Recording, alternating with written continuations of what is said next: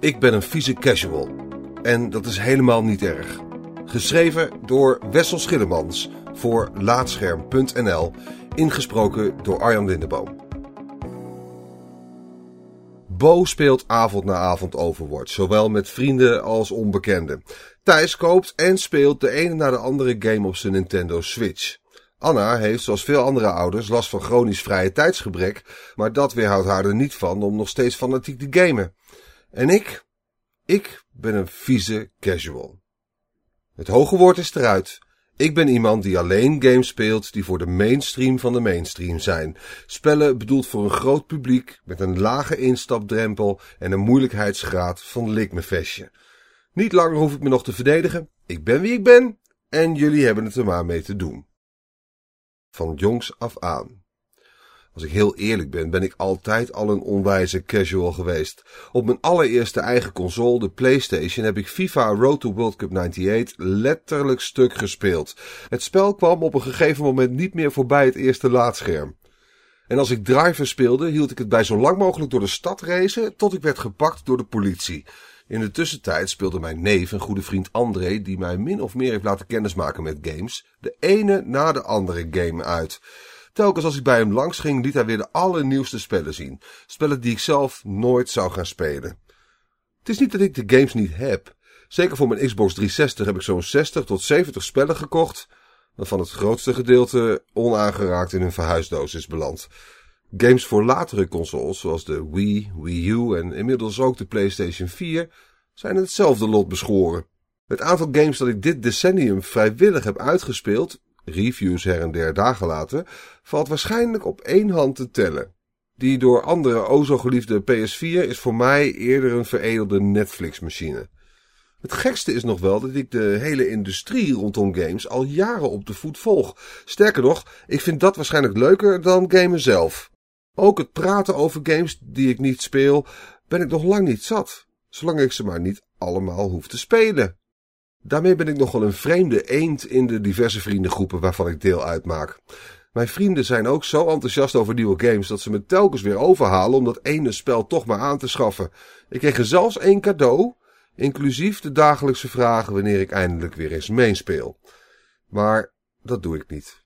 Alle goede bedoelingen ten spijt. Hoe groter de druk, hoe kleiner de kans dat ik daadwerkelijk een game opstart. Faalangst. Ik heb lang gedacht dat het aan een gebrek aan concentratie lag of aan de onwil om nieuwe ervaringen te beleven. Maar dat is het niet. De oorzaak is iets waarvan ik nog steeds niet begrijp dat ik het niet eerder heb beseft. Mijn casual bestaan is een gevolg van faalangst. Zoals ik in de brugklas in de stress schoot wanneer ik niet het hoogste cijfer van de klas had, zo stress ik als gamer wanneer ik niet op zijn minst mee kan op het gemiddelde niveau van mijn medespelers. Speel ik in mijn eentje, dan moet de instapdrempel super laag zijn. Ik wil niet op de havenklap een virtuele dood sterven en het gevoel hebben dat ik slecht ben in de game die ik speel. Het resultaat? Net als in de rest van mijn leven bleef ik ook wat gamen betreft in de oude vertrouwde gewoonte hangen. Als ik al eens iets nieuws probeerde, moest het vooral niet te moeilijk zijn, want de kans op falen is er één die ik koste wat kost wil elimineren. Een van de schaarse uitzonderingen op de regel was Guitar Hero. Die game heeft voor mij alles wat ik als casual wensen kon.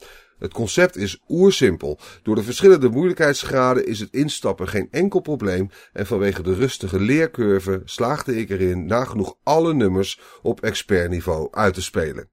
Tijdens verjaardagen en borrels bij vrienden thuis waren de rollen plots omgedraaid. Niet langer ontweek ik de controller, maar was ik juist degene die zich goed genoeg voelde om op te scheppen. Weliswaar met een plastic speelgoedgitaartje in mijn handen, maar toch. Er was hoop. In sommige dingen ben je goed, in andere minder. Dat geldt voor ons allemaal. En nu? Die realisatie dringt steeds dieper door tot mijn botte kop. Tijdens avondjes gamen ben ik niet meer zo bang om zelf die controle te pakken. Wat maakt het uit als ik tijdens een potje overkoekt een flater sla? Het is maar een spelletje. Ook heb ik een paar weekenden terug zo waar weer eens een spel uitgespeeld. What Remains of Edith Finch. Ik moest op sommige momenten zelfs een aantal traantjes wegpinken. Wat betreft de grote, voor mij zelfs intimiderende spellen waar je makkelijk 100 uur in kwijt kunt, die zie ik mezelf voorlopig nog niet spelen. Daarvoor heb ik gelukkig een geschikt alternatief gevonden. Dagenlang Zelda Breath of the Wild streams kijken is bijvoorbeeld een van mijn favoriete bezigheden geworden. Waar bijna iedere gamer die ik ken gruwelt van het idee om op die manier een van de beste games van de laatste jaren te beleven, was het voor mij ideaal. En wie weet blijkt het wel het opstapje naar het daadwerkelijk spelen van dergelijke games, maar dat is iets voor later. De belangrijkste les blijft dit. Het maakt geen moer uit dat ik een zogenaamde casual ben. Hopelijk hebt de angst om te falen weg dankzij dat besef en keert de rust terug. Als dat eenmaal de nieuwe status quo is geworden, kan ik eindelijk ook eens genieten van een moeilijke game als Bloodborne of een lekker avondje Overwatch, ook al bak ik er geen ene pepernoot van. Dankjewel voor het luisteren naar Laatscherm voorgelezen. Abonneer je ook op onze podcast Praatscherm en ga voor deze en meer verhalen, gesproken of geschreven, naar laatscherm.nl.